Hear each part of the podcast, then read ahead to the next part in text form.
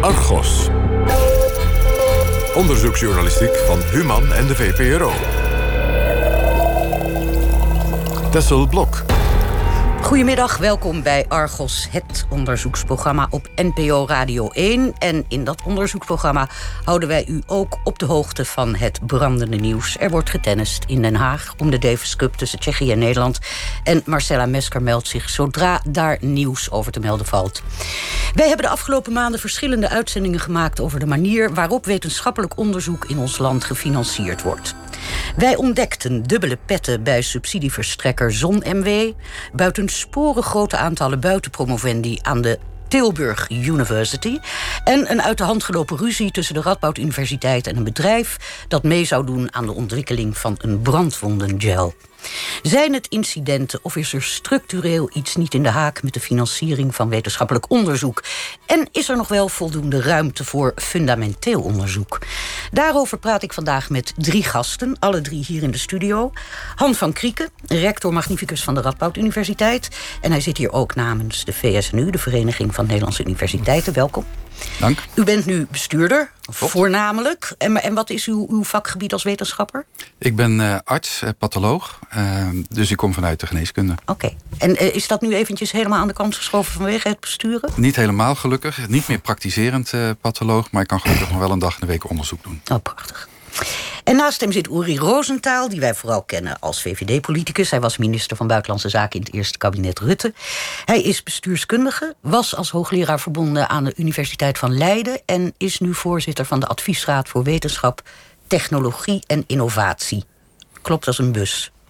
Behalve dat ik ook uh, lang hoogleraar in Rotterdam ben geweest. Kijk, dat vergeten wij Kijk dan weer. Goed zo. En, en, dat dus ook in het vakgebied van de politicologie. Oké. Okay. Ja, dus het is politicologie en bestuurskunde. Maar mist u de politiek of denkt u, dank God op mijn blote knieën... dat ik weer in de wetenschappelijke wereld uh, zit? Ik vind het uh, heel, heel prettig dat ik na mijn politieke loopbaan...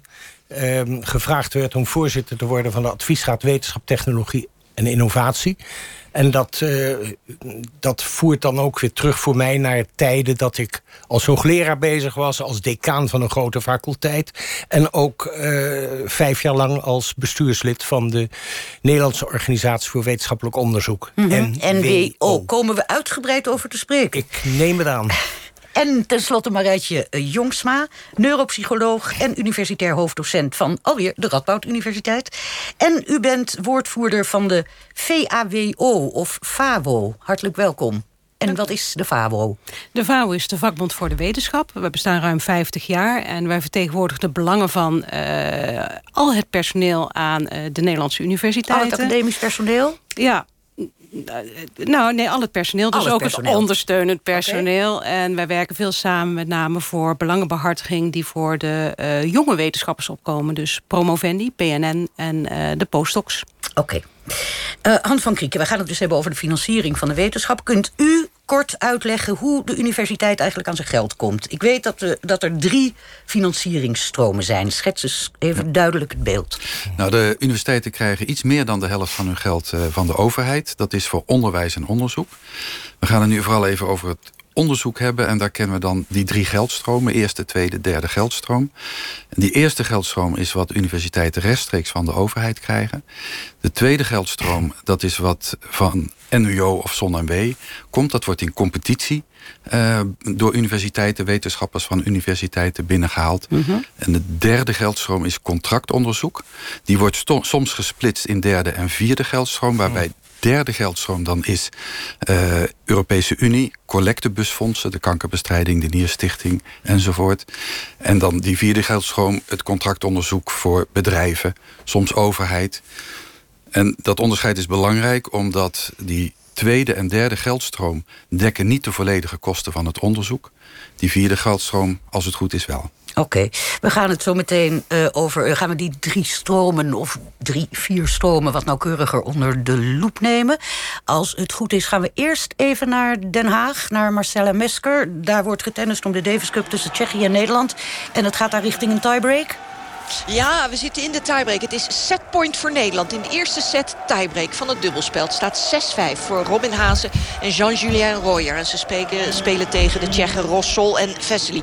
We zitten overigens niet in Den Haag. Dat was al oh. twee jaar geleden toen we tegen Tsjechië speelden. En toen de partij wonnen met 3-2. We zitten in Ostrava in Tsjechië. Dus het is een uitwedstrijd. Maar het is heel spannend. Het is Davis Cup nieuwe opzet. Tussenstand is 1-1 na gisteren, na de twee enkelspelen. En hier wordt de eerste setwinst gepakt door Robin Hazen. Een goede service richting uh, de backhand eh, van uh, Rossel. En de eerste set is binnen voor Nederland. Belangrijk, één set is binnen. Eén setje hebben we nodig voor de winst. Het gaat om een best of three, dus om twee gewonnen sets. Dus de kop is eraf. Set 1 is voor Robin Haas en Jean-Julien Royer met 7-6. Mooi nieuws vanuit Tsjechië. Ik had waarschijnlijk een draaiboek van twee jaar geleden voor de neus. Kan gebeuren. de geldstromen, de geldstromen naar het wetenschappelijk onderzoek... gaan we zo nauwkeuriger en uitgebreider op door. Maar ik wilde eerst even gaan luisteren met jullie naar Robert Dijkgraaf, natuurkundige. Was president van de KNAW, de Koninklijke Academie van Wetenschappen. En is nu directeur en professor aan het Institute for Advanced Study in Princeton, of all places, in de Verenigde Staten. En wij kennen hem natuurlijk ook van zijn colleges eh, op tv bij de Wereld Draait Door.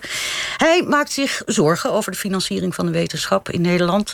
En Argos-collega Judith Konijn vroeg hem waarom. En ook wat het belang is van fundamenteel wetenschappelijk onderzoek. Dat is dus onderzoek dat gericht is op kennisverwerving...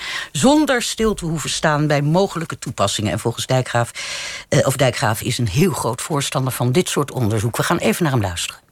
Fundamentele wetenschap is het, eigenlijk het mechanisme waarmee de mens de wereld om zich heen verkent. Het, is het uh, wordt gedreven door nieuwsgierigheid, door verbeelding. En onze ervaring over lange, lange tijd is dat die nieuwsgierigheid en dat open onderzoek een geweldige manier is om hele praktische ontdekkingen te doen. We spreken wel eens van het nut van nutteloos onderzoek. Alle grote doorbraken, of het nu in medisch terrein is, in computers, in technologie, allemaal voortgekomen uit onderzoekers die zich basisvragen stelden over hoe de werkelijkheid, hoe de mens in elkaar zit. En als we kijken naar het huidige financieringssysteem van wetenschap in Nederland, dan zien we dat dat fundamentele onderzoek onder druk staat. Dat heeft met een aantal dingen te maken. Onder andere dat meer en meer onderzoek door projecten wordt gefinancierd. Dat betekent sowieso dat je daar alleen maar tijdelijk personeel op kan aannemen, promovendi en postdocs. Maar die projecten hebben ook vaak een vrij korte termijn en worden meer en meer strategisch top-down ingezet. Onder andere door economische doelen. Heel veel onderzoek wat vroeger langs andere wegen uh, de industrie stimuleerde... dat gaat nu eigenlijk door de poort van de traditionele onderzoeksfinanciering. En er is nu ook daarbovenop maatschappelijke doelstellingen gekomen. Onder andere door de Nederlandse wetenschapsagenda. Het is ook heel belangrijk dat het onderzoek uiteindelijk dit soort economische en maatschappelijke problemen oplost. Maar het begint allemaal met het begin. En dat begin dat kan je niet aansturen. En dus daarom denk ik ook zorgwekkend dat we die vrijheid gaan missen. Want daardoor kunnen we fantastische praktische toepassingen in de toekomst mislopen. Nou, het beknotten van de vrijheid van onderzoekers, dat eh, schaadt ook de kwaliteit. Want het is mijn ervaring dat de beste onderzoekers ja, die willen eigenlijk gewoon die vrijheid hebben. Het beste wat je voor hen kan doen is gewoon uit de weg gaan. En, en die opties te openen. Het is heel moeilijk van tevoren aan te geven waar de grote doorbraken in het onderzoek gaan plaatsvinden. Gelukkig hebben we heer getalenteerde, vaak jonge mensen die dat wel aanvoelen op een of andere manier dat inzicht hebben. Mijn eigen instituut hier in Princeton is een schoolvoorbeeld hoe het ook anders kan. Onder andere omdat we hier voornamelijk door filantropie gesteund worden zijn we niet onderhevig aan de plannen van anderen. En kunnen we enerzijds heel erg selectief zijn. Dus er zijn maar weinig mensen die hier naartoe mogen komen. Maar als ze komen, dan moet ik hen ook vertellen dat ze... Ja, er zijn geen excuses meer. Ze mogen echt werken aan wat ze willen. En voor de vaste staf geldt zelfs dat we ze daarin totaal vrij laten. En dat we zeggen, ze kunnen tientallen jaren aan een onderwerp werken als zij denken dat het belangrijk is. En wat je ziet is dat mensen zeer gestimuleerd worden door die open ruimte. Niet alleen uh, gaan ze mooie dingen doen, maar ze stoppen vaak ook met uh, dingen die niet zo interessant zijn. Omdat je in een omgeving bent met kritische geesten, word je eigenlijk ook uitgedaagd om een hele fundamentele vraag te beantwoorden als onderzoeker. Wat zijn mijn dromen? Wat wil ik eigenlijk bereiken? Waar zou ik over willen nadenken? En ik denk dat is toch wel de grote kracht van de wetenschap. Het is in zekere zin ja, de motor van de samenleving. Het is uh, ja, een beetje als het begin van een, rivier. Het is vaak een klein bergstroompje. Maar uiteindelijk uh, wordt het een, een machtige rivier die een enorme impact heeft op onze samenleving. Ja, dat was Robert Dijkgraaf vanuit de Verenigde Staten. Um, wat vinden jullie van het belang dat hij toekent aan intellectuele vrijheid en fundamenteel onderzoek? Begin ik even bij meneer Roosentaal. Bent u dat met hem eens? Ik ben het in veel opzichten met uh, Robert Dijkgraaf eens. Uh, tegelijkertijd uh, verzet ik mij een beetje tegen wat al gauw dogma dogmatiek wordt. Dogma's. Zo van dit is vrij en dit is toepassingsgericht enzovoort. En uh, laat ik het even op mezelf betrekken. Doet u dat eens? Heel kort. Uh, ik, uh, ik heb op een bepaald moment, toen ik als wetenschapper bezig was... heb ik mij gericht op crisisonderzoek. Ja. Toen ik dat deed, werd ik voor gek verklaard in mijn wetenschappelijke omgeving enzovoort. Ik heb dat doorgezet. Dat had alles te maken met het idee dat je crises uh, die komen plotseling op. En die zijn onregelmatig. Ja, dus daar kan je geen malletje overheen daar kun, je, daar kun je geen eh, zeg maar kwantitatief mm -hmm. grootschalig statistisch onderzoek op doen. Dat was toen het idee. Het werd als exotisch beschouwd. Nu dan, ik heb dat doorgezet. Had er ook de ruimte voor op de universiteit. Maar als ik het nu over 30 jaar heen pak... dan heb ik, als ik terugkijk, enorm veel baat gehad bij... en het ongebonden onderzoek dat ik daarna kon doen... en het feit dat ik heel veel zogeheten contractonderzoek heb gedaan. Ook bij NWO aan de bel kon trekken voor onderzoek. Maar vooral die voortdurende contacten van mij... ook met de praktijk... Mm. heeft mij zowel voor het wetenschappelijk als ook voor het praktische alleen maar resultaten Dus u zegt je moet niet zo dogmatisch over die verschillen. Zo, het kan gecombineerd je worden. Je moet zo dogmatisch niet erover denken. En ik voeg eraan toe dat momenteel, en dat is iets wat bij onze adviesraad heel sterk speelt, dat wanneer we praten over ook weer een misschien een moeilijk woord, maar de zogeheten open innovatie. Hè, dus de nieuwe dingen die moeten worden ontdekt mm -hmm, enzovoort. Mm -hmm. Dan is het zo dat als je gaat kijken naar de grote. Uh, onderzoekscentra van bijvoorbeeld de grote bedrijven... die werken langzamerhand in een soort van keten samen... met wetenschappers op mm. universiteiten enzovoort, enzovoort. Samengevat, eh, ik, ik hou niet van dogma's, van schotten... maar ik denk dat het een en het ander nodig is... Mm. en ook elkaar en kan bevruchten. Mevrouw Jongsma, uh, ook aan u de vraag wat uh, Dijkgraaf zei. U mag natuurlijk ook reageren op wat meneer Roosentaal nu als voorbeeld nou, geeft. Um, hoe denkt u daarover? Het belang van fundamenteel onderzoek en die vrijheid om te kunnen onderzoeken... zonder gedwongen te worden dat het onmiddellijke maatschappelijk nut zou moeten hebben? Nou, ik ben het daar roerend mee eens. Mm. Wat ik op het moment wel problematisch vind... is dat de term fundamenteel onderzoek tamelijk gehijacked is. En dat zien we vooral in de verkiezingsprogramma's...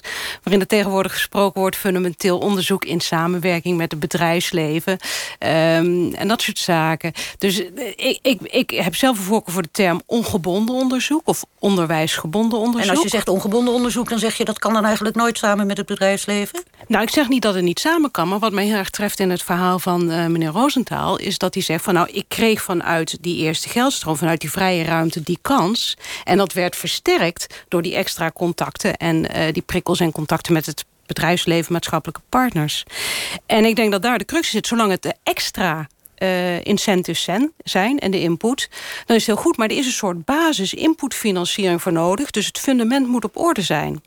En dat staat nu onder druk, want ook al is er nog steeds... Als een, als een soort basisinkomen, maar dan voor een universiteit. Juist. Ik maar zeggen. Oké. Nou, precies. Ja. Uh, het probleem met die eerste geldstroom is dat, ook al is een groot gedeelte... zelfs van dat vrije, dat basisinkomen... wordt 70% al opgesoupeerd door dat projectmatige onderzoek... in de vorm van matchinggelden. Allemaal termen al, meneer professor Van Krieken. Uh, Han van Krieken, vertel eens wat uw mening is over wat Dijkgraaf zei... en wat de twee sprekers hier aan tafel daar tot nu toe over gezegd hebben. Nou, het eerste deel van het verhaal van Dijkgraaf... Uh, hij is eredokter aan onze universiteit... dus het klopt wel dat dat ook Dan helemaal het uit het ja, hart dan gegeven kan is. geen onzin verkopen. Uh, dus dat vrije, uh, ongebonden onderzoek... Mm -hmm. waarin je je nieuwsgierigheid achterna kan gaan... is ongelooflijk belangrijk. Het andere deel van het onderzoek ook. En het punt is dat, en daar begon hij ook mee... die balans is aan het verschuiven. Die is de afgelopen vijf jaar erg verschoven. Mhm. En uh, precies wat uh, Marijtje Jongsma zegt... de derde geldstroom... Uh, dus het geld van MWO, tweede geldstroom en van de collectebusfondsen, die zijn niet kostendekkend. Hm. Dus op het moment dat jij als wetenschapper met heel veel moeite uh, een project hebt binnengehaald, en vaak is die kans maar 20% of soms nog lager, dan heb je dat project en dan moet je naar je faculteit en zeggen: Ja, ik heb dit, nu, nu, dit project, maar daar moet geld bij, want anders kunnen we het niet doen. Hm. En dat gaat af van dat vrije ongebonden onderzoek en daarom is er nog maar zo weinig geld voor het vrije ongebonden Oké, die eerste geldstroom, laten we daar nog even verder naar gaan kijken. Die financiering die direct vanuit de overheid naar de universiteit gaat, een deel daarvan ligt dus vast maar een deel is flexibel, want is afhankelijk van het aantal studenten en het aantal promovendi. Klopt. In onze uitzending De Promotiefabriek, afgelopen september, werd duidelijk dat dat een soort verdienmodel kan worden, waarbij de kwantiteit uh, wel eens belangrijker kan gaan worden dan de kwaliteit. Wij ontdekten toen dat verschillende hoogleraren van de Tilburg University, moet ik zeggen. Ik moet daar enorm aan wennen. Buitengewoon grote aantallen mensen van buiten de eigen wetenschappelijke staf lieten promoveren. En dat er bij de begeleiding van die buitenpromovendi en bij de kwaliteit van hun proefschriften vraagtekens konden worden gezet. Wij legden die bevindingen voor aan Frank Futselaar en die is Tweede Kamerlid voor de SP. Het is toch redelijk gebruikelijk in Nederland dat als mensen promoveren, dat ze dat binnen een onderzoeksgroep doen, als, als, als onderdeel van lopend eh, onderzoek. Het idee dat, uh, en dan ook via een Amerikaanse instelling, eigenlijk iedereen die een bepaald minimumniveau voldoet, kan promoveren in Tilburg, ja, dat, dat komt toch bijna een beetje uh, fabrieksmatig over. Kijk, het probleem is voor universiteiten is het aantrekkelijk als mensen promoveren, want daar krijgen ze gewoon geld voor. Dus daar moet je zorgvuldig mee omgaan, want je wil niet het beeld en ook niet de realiteit dat het een verdienmodel wordt. Dat het aantrekkelijk wordt om zo snel mogelijk, zoveel mogelijk uh, mensen te laten promoveren. En ik denk als je één iemand vrijstelt en ook nou ja, dit soort recordaantallen promovendi uh, binnenhaalt. Op zijn minst laat je de schijn op je dat je gewoon een, ja, een promotiefabriek hebt gebouwd, omdat je daar inkomsten uithaalt. En ik vind dat kwalijk. Marijtje Jongsma van de vakbond uh, van de universiteit. Wat dacht u toen u dit hoorde? Was u verbaasd? Uh, ja en nee. Ik denk dat, dat er één uh, misvatting ontzenuwd moet worden. En dat is het idee dat je daar puur geld mee verdient. En een van de problemen op dit moment is dat die eerste geldstroom... die al vaker is langsgekomen, mm -hmm. is geen uh, bekostigingsmodel op zich... maar het is een verdeelmodel. En ik wil het zelfs bijna een verdeel- en heersmodel noemen. Maar wat even, ik zei al, een deel van, van die eerste geldstroom staat vast... en dat is vrij besteedbaar voor de universiteit. Een ander deel is dus flexibel afhankelijk van bijvoorbeeld... het aantal promovendi wat je hebt. Ja, dat klopt. Maar die flexibiliteit is relatief ten opzichte van andere instellingen. En dan kom je... ik helemaal niet. Nou, dat betekent dat je niet een absoluut bedrag per student of promovendus krijgt. Maar dat als we kijken naar alle promoties in Nederland. dat er dan het gedeelte van de koek voor de promoties. naar eh, proportie promovendi per universiteit gaat. Dus je bent altijd, wat dat gedeelte betreft, een onderlinge competitie. Meneer Roosentaal? Ja, ik heb de uitzending gehoord uh, over, uh, over Tilburg. Tilburg. En ik. Uh, ik vond dat niet leuk. Dat kan ik me voorstellen, nee. En uh, dat heeft alles te maken met het feit dat wanneer we het over promoties hebben... Ja, ik val toch steeds terug op mijn eigen ervaringen door de jaren heen. Mm. Als je het over promoties hebt, dan heb je het over een van de, van de kernpunten van de universiteit, van de academie. He, mensen worden dokter in. En uh, daar moet je zuinig op zijn. Ik heb geleerd toen ik uh, hoogleraar werd, leerde ik van mijn promotor leerde ik dat ik voor promoties de lat zeer hoog moest leggen. En dat was voor een deel wijze zelfbescherming. Want binnen de kortste keren staat een hoogleraar... die mensen gemakkelijk laat promoveren, staat te kijken. En ik kan dat dus ook doortrekken naar een instelling. Een instelling die dus wat dat betreft zwakke knieën heeft gaat door die knieën heen. Mm Onherroepelijk. Maar het is een beetje vanwege... Uh, uh, het is, dit is natuurlijk nu over de ethiek uh, van, van, van de wetenschap, natuurlijk. Maar wij, wij hebben het jammer genoeg heel vies gewoon alleen maar over geld. Uh, het is een perverse prikkel. Want als jij zegt, je krijgt een soort basisinkomen... dat is niet afdoende. Zeker, dat, dus dat, laat maar zoveel mogelijk zeker, mensen promoveren... Dat, want dan halen we nog wat binnen. Kijk, dat, perverse prikkels, perverse mechanismen... ontstaan daar Je hoeft niet eens over boze drijfveren te praten... maar het zijn gewoon mhm. mechanismen die mhm. spelen. En die ontstaan daar waar, waar gewerkt wordt op basis van volumes. Hetzelfde lakenen pak wanneer je universiteiten aan de onderwijskant afrekent op het aantal afgestudeerden. Ja. Ja, dan krijg je dus druk op de docenten om ervoor te zorgen dat ze zoveel mogelijk mensen laten afstuderen. En dat doe je dan op twee manieren kan dat gaan. Doordat die docenten heel goed onderwijs geven en dus ook resultaatboek in de richting van de studenten. Maar het kan ook gebeuren op een onheuse manier. Namelijk dat die docenten een veer laten mhm. bij de kwaliteit van het Precies, onderwijs. dat de kwantiteit dus gaat weer de, de kwantiteit, het gaat winnen van de kwaliteit. Meneer Van Krieken, uh, naar aanleiding van die uitzending, de promotiefabriek, heeft de minister nu een onderzoek aangekondigd. Maar uh, u bent als rector eh, magnificus, ziet u vier keer in het jaar geloof ik uw collega-rectoren. Uh, ja, minstens. En jullie, ja, jullie, jullie willen ook een onderzoek, hè? Ja. Ze zijn er toch wel van geschrokken. Ja, nou zeker. Uh, zeker van zo'n uitzending schrik je. Ehm, wij zijn heel trots op ons promotiestelsel in Nederland. Verreweg de meeste proefschriften zijn uitstekend. En het is een belangrijk uh, manier om goede wetenschappers op te leiden. De belangrijkste manier. Uh, maar zoals altijd zie je ook dat dat af en toe niet goed gaat.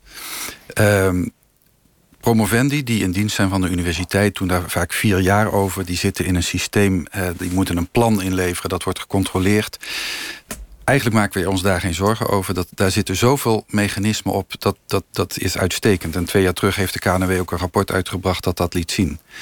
Waar we ons wat meer zorgen over maken als rectoren zijn wat dan heet buitenpromovendi. Dat zijn mensen die uh, soms gepensioneerd zijn, soms bij een bedrijf werken die ergens in geïnteresseerd zijn, daar heel lang aan werken.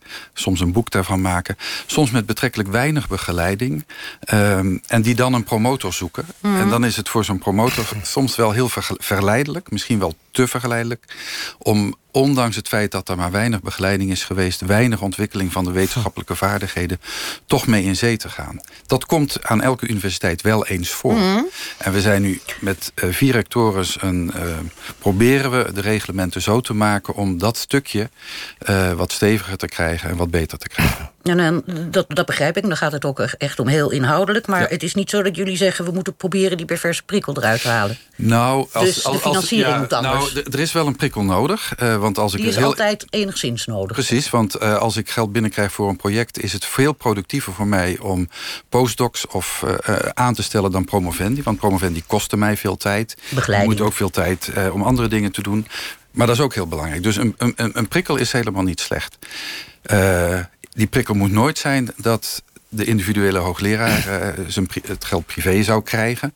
Of dat dat de belangrijkste financiering wordt voor, voor zo'n onderzoeksgroep. Dan gaan we de verkeerde kant op. Meneer Roosentaal zit te. Ja, nou, ik, ik, we hebben het allemaal over dingen waar we van schrikken. Ja. Uh, ik, ik, ik schrik niet, maar ik kijk wel op van wat uh, Han van Krieken zegt over die buitenpromovendi omdat het voor mij altijd, ook weer, ik praat uit de praktijk... ik heb buiten promovendi gehad. Dat was voor mij altijd, ik zou bijna zeggen... de kers op het taartje. Mhm. Want wat is mooier dan dat mensen die in de samenleving werkzaam zijn...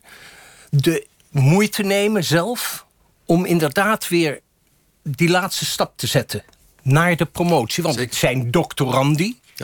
Dus ze moeten nog dokter worden en dat doen ze dan. En wat dat betreft heb ik altijd heel veel aandacht besteed aan die uh, buiten uh, promovendi. En ik zou dus ook in de richting van Han van Krieken willen zeggen... als hij met de collega-rectores erover praat... Dan, dan denk ik dat hier ook een rechtstreeks appel ligt... bij die hoogleraren zelf. Het gaat dan toch over de integriteit, de moraliteit, de ethiek van het wetenschappelijk onderzoek en van het wetenschappelijke werk. Maar ik wil, sorry, ik wil, ik wil eventjes naar mevrouw Jongsma. Uh, uh, we kunnen toch niet alles uh, diepgravend, jammer genoeg, in dit uur bij de kop pakken. Dat wat Robert Dijkgraaf bepleitte, is het niet logischer als je dit hoort... dat de universiteiten gewoon een bedrag krijgen dat ze vrij kunnen besteden. Dus zonder dat dat geoormerkt is. Dat bedrag moet dan wel afdoende zijn, maar begrijp je dat, dat het niet alleen maar binnenkomt als je zoveel promovendi hebt of zoveel afgestudeerd? Nou, ik denk inderdaad dat die verhouding tussen die vrije besteedbare ruimte en daarnaast dat geld wat in competitie komt, dat die verhouding weer wat meer richting dat vrij besteedbare moet komen. En uh, je merkt ook dat het op dit moment heel veel onrust geeft en dat er te veel knelpunten komen. En die los je niet meer op met een beetje herschikken of prikkels ergens anders te zetten. En ik kan het pervers noemen of strategisch gedrag. Maar we zien wel dat, of dat lijkt wel, dat het gewoon steeds uh, meer aan bod komt. Oké, dus... dit is e- even de eerste geldstroom. Ik wilde naar de tweede, anders komen we aan de derde helemaal niet meer toe. Dat was uh, de geldstroom, dat is geld dat gegeven wordt via beursaanvragen. Wat dus loopt via NWO, het Nederlandse Organisatie voor Wetenschappelijk Onderzoek. Meneer Roosentaal, u zei het al, u bent daar vicevoorzitter geweest. Kunt u kort, hoor goed wat ik zeg, kort vertellen hoe dat werkt? De, de tweede geldstroom bij NWO. NWO krijgt, uh, heeft 1 miljard te besteden per jaar, om en nabij. En dat gaat, zoals al is gezegd, uh, doordat uh, onderzoekers kunnen aanvragen indienen op uh, bepaalde programma's. En als ze dat heel goed doen en ze worden daarop beoordeeld... Mm -hmm en ze vallen in de prijzen... dan krijgen ze dus geld voor een aantal, voor, op verschillende manieren. Dat kan zijn een beperkt budget, kan ook soms zijn een heel groot budget... waarbij ze niet alleen zelf dan aan de bak komen... maar ook mensen kunnen inhuren om met hen te misschien. Oké. In 2017 maakte Argos een uitzending, uitzending over ZonMW. Dat is een onderdeel van het MWO dat zich richt op gezondheidsonderzoek. En we onthulden toen dat leden van de commissies... die besluiten welke subsidieaanvragen gehonoreerd worden... zelf ook aanvragen indienden in diezelfde rondes. Laten we heel even luisteren naar een fragment. Kijk, het, het systeem deugt niet. En dan moet je er van afstappen. Dat moet je anders in elkaar zetten. En ik heb de stukken gelezen, maar ik verwonder me erover dat die mensen met droge ogen dit werk kunnen doen en in zo'n in zo'n vergadering zitten en over al die voorstellen moeten oordelen en daar een zegje over doen. Nou, ik zou me toch wel doodschamen om dat zo aan te pakken. De hoogleraar waarover het in de hoorzitting ging, blijkt niet één subsidieaanvraag te hebben ingediend, maar vijf in deze ene subsidieronde. En van de 17 beoordelaars deden er in totaal zeven zelf een gooi naar onderzoeksgeld. Maar drie van de 17 waren totaal onafhankelijk. Tja, meneer Roosentaal. Professor Van der Heuvel zegt het beschamend te vinden. Ja, de, het, het, het, voorbeeld dat hier wordt genoemd, dit, deze gebeurtenis, kan natuurlijk niet. Nee. Uh, ik, ik maar moet u wel zegt zeggen, dat is geen dagelijkse praktijk. Nee, mijn ervaring is altijd geweest dat daar bij NWO... dat daar uh, scherp op dit soort dingen werd gelet, wordt gelet. Er zijn bij NWO, als het gaat om problemen... problemen die minstens zo ernstig zijn als waar u het nu over mhm. hebt. En dat zijn problemen met betrekking tot de zogeheten aanvraagdruk. Mensen die hele uitvoerige uh, aanvragen moeten indienen... en dan een heel kleine slaagkans hebben. Met dus er wordt enorm, enorm, veel energie wordt er gestoken. Ik zie Marijtje Jongs maar enorm knikken... dat mensen enorm veel energie ergens in steken... maar het is alles of niets. Daar kan je, ik weet niet hoe lang mee bezig zijn. En als je niks hebt... Ja. Ja, en dat, is en dat, en dat, tijd? Ja, Dat, dat, demotiveert, dat demotiveert en dat brengt dus ook met zich mee. Ik heb daar geen klare getallen voor, maar dat nogal wat mensen op de universiteit afhaken in die academische loopbaan, omdat ze bij MWO niet aan de bak komen en dan in feite hun uh, loopbaan kapot wordt gemaakt. Meneer Van Kriek, u zit enorm nee, in stemmen te knikken. Uh, en dat is echt iets van de laatste paar jaar. Uh, ik was heel blij toen Ronald Plasterk een deel van het geld overhield. Dat ging over 100 miljoen van de universiteiten naar MWO. Uh, dat is alweer tien jaar geleden. Ja, dat is zo'n tien jaar geleden. En op dat moment was het een goede impuls om de competitie te versterken. Uh, en dat heeft ook gewerkt.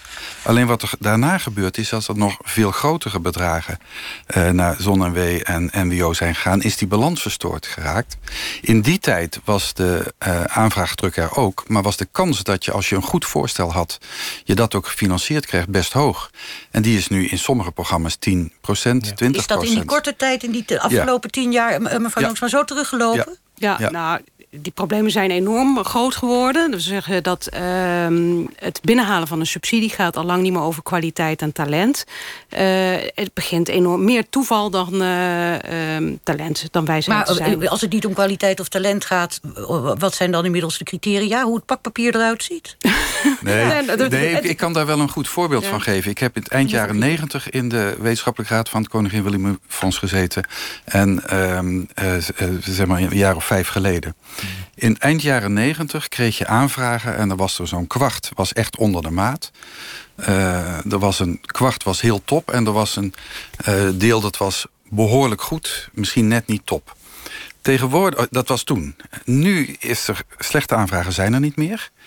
Uh, en er is heel erg veel top geworden. En dat betekent dat als jij een hele goede aanvraag hebt, het toeval nu bepaalt of je het wel of niet krijgt. En dat was eind jaren negentig niet zo. Want de verschillen tussen de groep die wel en niet afvalt... Uh, uh, die zijn heel klein geworden. En dat maakt, omdat er maar zo weinig wordt gehonoreerd... maakt het systeem ook voor een deel onvoorspelbaar... en voor een deel oneerlijk. Dus, ik zou heel graag teruggaan. Oneerlijk echt, zeg. ik vind dat dat nu oneerlijker wordt. En, en nog één ding aan toevoegen. Want juist het, het, het risicovolle onderzoek, het spannende... waar je niet weet wat, wat het kan worden... Waar Dijkgraaf zo uh, voor pleit? Dat is nu ook bij de projecten moeilijk geworden. Ik was in, inderdaad eind jaren negentig... kwam er veel over immunotherapie voor kanker langs. Ik geloofde daar totaal niet in. Ik dacht, dat is geen goed idee, maar het was wel heel goed onderzoek. Ik had ongelijk. Nu is het een van de belangrijkste innovaties geworden, tien jaar later. En ik ben heel blij dat die mensen dat geld hebben gekregen. Ja, het, het, zal, het zal van vakgebied naar vakgebied verschillen. Mhm. Maar een van de klachten die ik ook al hoorde toen ik uh, bij MWO bezig was... maar nog altijd hoor, is dat een probleem dat erin zit... bij de aanvragen die worden ingediend... en dan de honorering al dan niet... dat is ook dat voor je het weet onderzoek wordt gehonoreerd... dat onderzoek is naar de bekende weg. Om het wat anders te zeggen, dan zegt de beoordelaar of de beoordelende commissie... wil zekerheid hebben van de onderzoeker dat er, uit, dat er uitkomt wat die onderzoeker als hypothese stelt. Ja, dan, dan is heb je dus al geen vrij onderzoek meer. Dan nou, sterker nog, dan zeg ik, uh, een beetje plat... daar heb ik dan geen onderzoek voor nodig. Als ik dan al weet wat er uitkomt. Ja. Nou, dat, is, dat zijn van die, van die processen die gaande zijn. Maar zijn dat, de mechanismen dat je zegt... Nou, mensen willen tegenwoordig, of mensen, ja... Je, je, moet het ook kunnen verkopen, dat je het geld ergens aan besteedt... en als je niet het maatschappelijk nut of het niet kan verkopen aan de maatschappij... omdat het iets is wat niet heel tastbaar is... dan moeten we het maar niet doen? Nou, dat is een aspect wat veel zorgwekkend is. Inderdaad, de hele laag honoreringskans. Uh, daar hangt heel veel van af, voor jonge wetenschappers met name. Uh, je, je, carrière valt of staat ermee. En er gaat enorm veel tijd aan verloren. Nou, ik heb mensen uit het bedrijfsleven gesproken... die zei op aanvragen met een toekenningskans van minder dan 20% dat kan economisch niet eens uit. Al die tijd van die aanvragen, die, die 80 of, of 90% van die aanvragen... die niet wordt gehonoreerd, wordt dus niet nuttig besteed... aan gewoon de kerntaken. Dus het geven van uitstekend wetenschappelijk onderwijs... en het doen van vrij wetenschappelijk onderzoek. Dus er is een enorme verspilling gaande. Hoe, hoe, is, dit, hoe is dit ten goede te keren? Hoe dit nu gaat met die toekenning van die, van die, van die beurzen of onderzoeksgelden door MWO? Nou, ja, ik denk dat er een eh, deel van het onderzoeksgeld minder gericht uh, moet worden neergezet. Uh, en rechtstreeks naar de universiteiten kan gaan. Een stukje terugschuiven van. van wat, Plasterk heeft gedaan? Ja, of in ieder geval wat daarna is gebeurd. goed naar die balans zoeken. Um, en even terug te komen op het voorbeeld wat, wat daar misgegaan. Een van de problemen was daar dat de overheid had gezegd: wij willen geld voor ouderenonderzoek. Uh, en dat moet gaan naar mensen die in Nederland onderzoek voor ouderen doen en, en, en de gezondheid daarvan. Dan moet je een commissie hebben die daar deskundigheid is om dat te kunnen afwegen. En dat moest een Nederlands uh, commissie zijn op dat moment dan bak je al in dat je uh, de mensen dat je die... niet heel onafhankelijke, want die zijn zelf bezig. Dat is een kleine club uh, die elkaar uh, kent. Ik vind dat ze het overigens heel zorgvuldig hebben gedaan... voor zover ik kan beoordelen. Maar dan, dat, dan doe je dus precies wat je volgens mij niet moet doen. Als toen de overheid had gezegd, doen het niet via zonder W... maar we geven alle onderzoekers die hier aan gewerkt hebben... rechtstreeks dat geld zonder dat ze daar projecten voor moeten schrijven... denk ik dat er meer was gebeurd... en dan had je ook niet dit soort... Ja, wat wonderlijke beoordelingsmechanismen gehad. Ja, mevrouw ja. Jongsma. Wat daarnaast ook problematisch is... is dat die scheve verhouding ook de verwevenheid van onderwijs en onderzoek onder druk zet. En dat betekent dat uh, er een hypercompetitief systeem is voor dat onderzoeksgeld. Mensen die dat binnenhalen, dus ook echt dat projectmatige onderzoek moeten uitvoeren. Geen tijd daarnaast hebben voor hun onderwijstaken aan de universiteit. En wat we eigenlijk sinds 2008 zien, sinds die plasterkkorting... is ook het ontstaan van de aparte docentenbaan. Die is dat jaar ook een beetje in de kerngetallen van de universiteiten gekomen. Het is personeel wat wel gepromoveerd is, maar eigenlijk het onderwijs verzorgt. En daarnaast dus de onderzoekers, de postdocs... die op dat hele uh, prestigieuze onderzoeksgeld hun onderzoek mag doen. Hmm. Nou, daarnaast zit ook een Matthäus-effect. Dat als je eenmaal succesvol bent geweest heb je grotere kans. En krijg je dus die divergentie in die academische loopbaan. En die docenten hebben dus heel weinig carrièreperspectief eh, binnen de universiteit. Oké, ik uh, wilde naar de zogenaamde derde geldstroom. Dat is het geld uit het bedrijfsleven of uit fondsen, andere fondsen. Ook trouwens Europese, hè, mag ik aannemen. Ja, zeker, daar ook zeker. onder. Dat is uh, veel. Klopt het dat, uh, de, meneer Van Krieken, dat het kabinet die derde geldstroom ja, enorm wil stimuleren? Uh, nou, ik weet niet of het ik denk dat het kabinet dat Ik bedoel eigenlijk dat het kabinet zou willen dat bedrijven wat vaker in innovatie en ontwikkeling zouden investeren. Ja, nou dat zouden wij ook heel graag willen, uh, uiteraard. Ik denk dat het heel goed is. Uh, en ik denk ook dat, uh, en daar ben ik het eens met meneer Roosentaal, meneer Roosentaal dat het heel goed is dat er samen met bedrijfsleden wordt, bedrijfsleven wordt gewerkt en samen onderzoek wordt gedaan. Mm -hmm. Maar, goed, uit financieel oogpunt? Nee, of? Oh, niet alleen, nee zeker niet alleen. Uh, er zijn allerlei uh, interessante vindingen die je aan een universiteit doet. Uh, en dat kan zijn, een mooi voorbeeld vind ik... de Maria van Gelre tentoonstelling die net gelopen heeft. Fantastisch onderzoek naar die vrouw en het gebedenboek. En vervolgens wil zo'n onderzoeker dat mensen dat weten... en daarvan kunnen leren en van kunnen genieten. Dan moet je naar een bedrijf, in dit geval een museum... om daar een tentoonstelling van te maken. Ik vind dat hele goed. Maar dan gaat hij... U geeft, dit is een prachtig voorbeeld. Ja, maar dan gaat U zult begrijpen dat ik met een heel naar voorbeeld nu ga komen. Ja, dat, Want die zijn er. Ja, daar had ik natuurlijk zelf mee kunnen komen. Maar... Oh, en voordat we daarheen kunnen, hoor ik dat we nog even weer naar Tsjechië gaan. Want daar zitten we, daar wordt getennist om de Davis Cup... tussen Tsjechië en Nederland. Marcella Mesker. Ja, toch wel wat ontwikkelingen. De eerste set dus 7-6 voor Nederland. Robin Haase, Jean-Julien Royer. Uh, nou, dat ging de goede kant op. Maar zojuist zijn ze gebroken in de achtste game van de tweede set. Nu 5-3 achter. En de Tsjechen serveren nu voor de tweede setwinst. Dus grote kans dat er een derde beslissende set aankomt... in dit zo belangrijke dubbelspel in deze ontmoeting. Bestaat totaal uit vijf partijen. 1-1 is de tussenstand na gisteren. Dus die dubbel is de derde partij. Straks nog twee singlepartijen. Maar ja, kan je 2-1 voorkomen... dan is dat natuurlijk een uh, mentale klap. Maar goed, zover zijn we nog lang niet. Want de tweede set uh, staat uh, op het punt om naar Tsjechië te gaan. wie weet dadelijk een derde set. We zullen het weldra weten. Oké, dankjewel Marcella. Als het zover is, horen we je weer.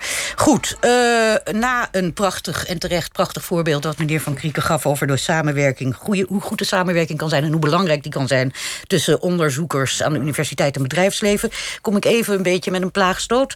Afgelopen december maakten wij een uitzending over een ontdekking aan uw universiteit, de Radboud Universiteit, over een wondergel die hele grote voordelen heeft bij de behandeling van ernstige brandwonden.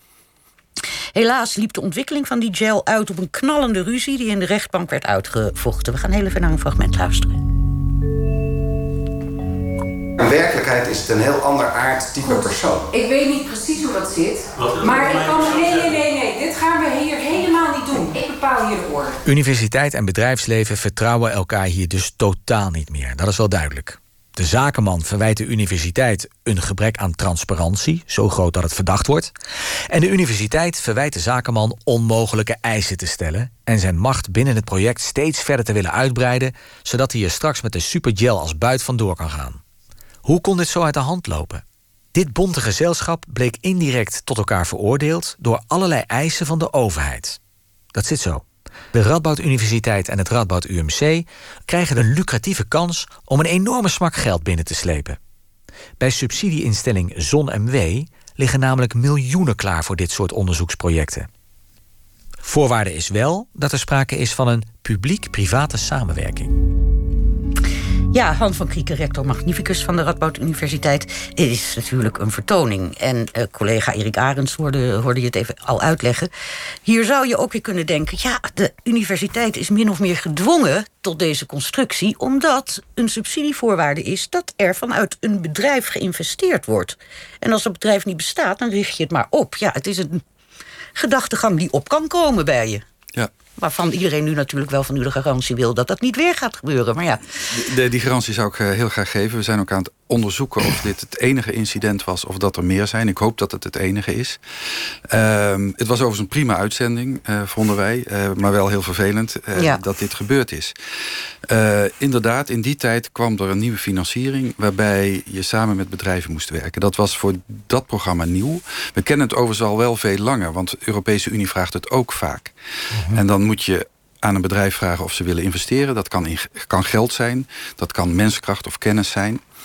Uh, ik heb dat zelf ook uh, een aantal keren gedaan. Dan werk je vaak met grote bedrijven. In mijn geval de farmaceutische industrie soms. Ja. Of uh, bedrijven die grote apparaten maken dan gaat het ook vaak gewoon goed. Die bedrijven hebben een goed systeem. Uh, als die besluiten mee te doen, staat dat zwart op wit enzovoort. Hier ontstond een nieuw iets en moest je juist met kleine bedrijven gaan werken. En op dit terrein waren er geen bedrijven. En toen zeiden we, ja, dan zal je zelf bedrijven moeten gaan oprichten.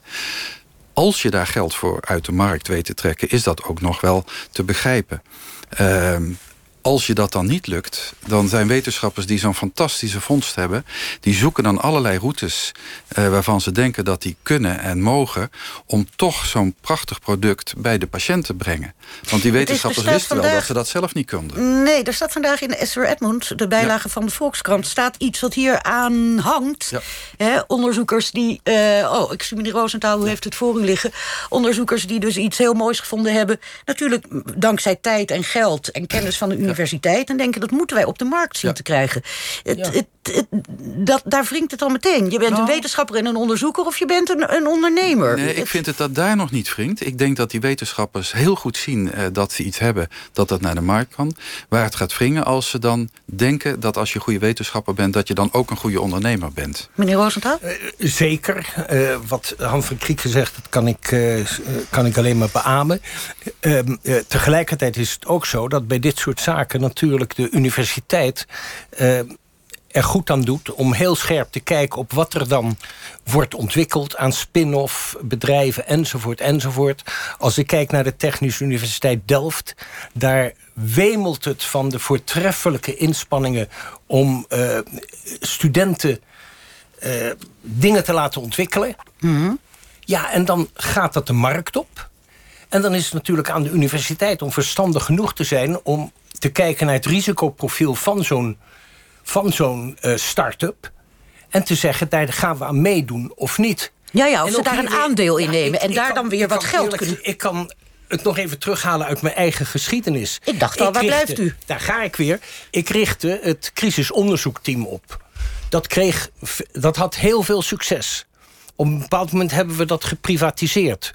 Toen nam de universiteit nam een aandeel van 10 Vervolgens uh, uh, vond de universiteit dat ze daar te weinig als het ware voor terugkreeg. En toen was het van tweeën één. Ofwel de universiteit neemt een groter aandeel erin. Een meerderheidsaandeel mm -hmm, zelfs. Mm -hmm. Ofwel ze, ze houdt ermee op. En laat het aan, aan de onderzoekers over... om dat instituut verder volledig op de private markt te brengen. Ik denk dat de universiteit achteraf gedacht heeft... van we hadden toch misschien er wel in moeten ja, stappen, maar goed. hebben dat niet gedaan. Kijk, dat is dus een kwestie van het aandeel dat de universiteit in de zaak neemt. Het beroemde voorbeeld dat ook in het Volkskrant-verhaal wordt verteld... is dat natuurlijk van Crucel. De, de enorm succesvolle uh, onderneming in de medische hoek...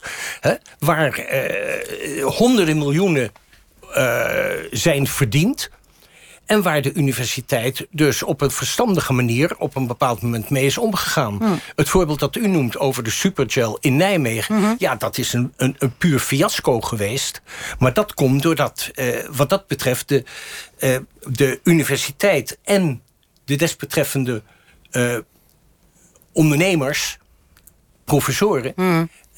niet goed de zaak met elkaar verbonden hebben. Maar Rijtje Jongsma, die, die, die samenwerking tussen bedrijfsleven en, en onderzoekers... in principe kan niemand er natuurlijk op tegen zijn... dat daar samengewerkt wordt als dat is voor, een, voor het, een, een, een, een hoger doel... namelijk dat je iets toe kan voegen aan het goede leven in de maatschappij.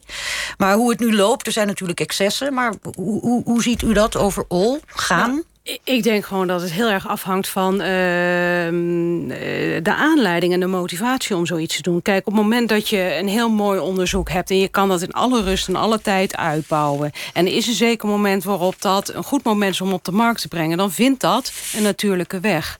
Ik denk als je dat op output gaat financieren, wat nu heel veel gebeurt in die hele tweede en derde geldstroom en daar al priori wordt gezegd... er moet een bedrijf bij betrokken zijn. Er moet, dan, dan denk ik dat je aan de verkeerde knoppen gaat draaien... en op het verkeerde punt de druk gaat zetten. Mhm. Dus op dat moment wordt eigenlijk al besloten... dat er een goed idee is om samen te werken... zonder dat dat uh, bottom-up en vanuit een inputfinanciering gebeurt.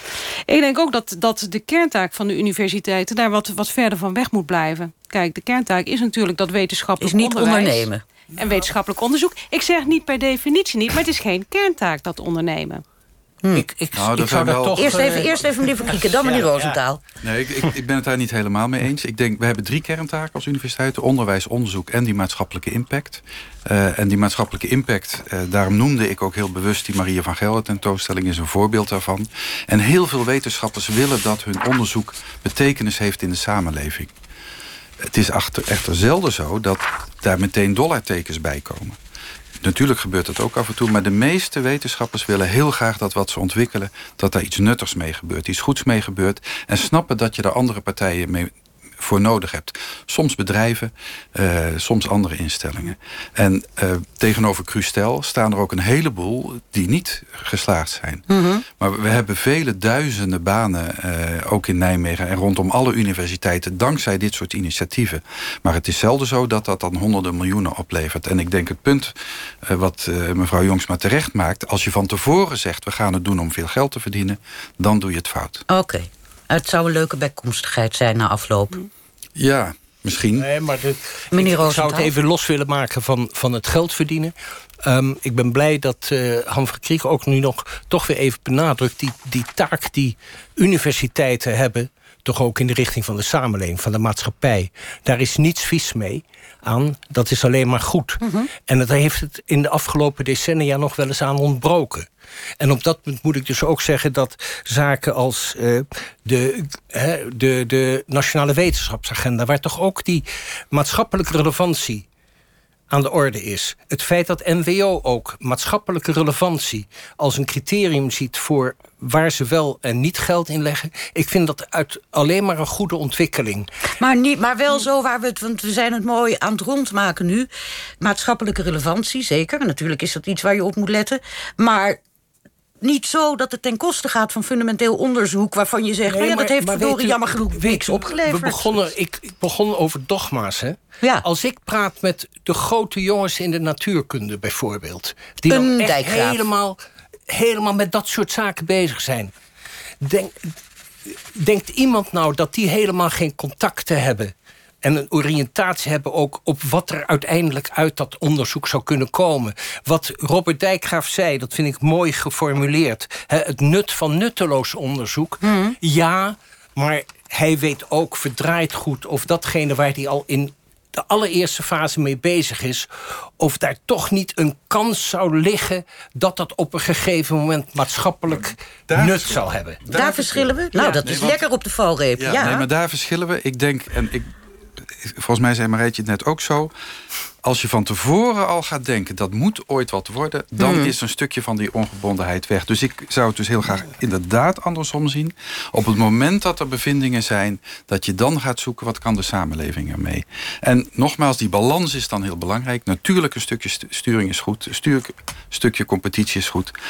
Maar dat vrije onderzoek staat te veel onder druk op Oké, dit moment. Ja. Nou, ik, ik zie eigenlijk die hoofdmoot van die maatschappelijke relevantie... een heel belangrijke taak in de open science en de open access...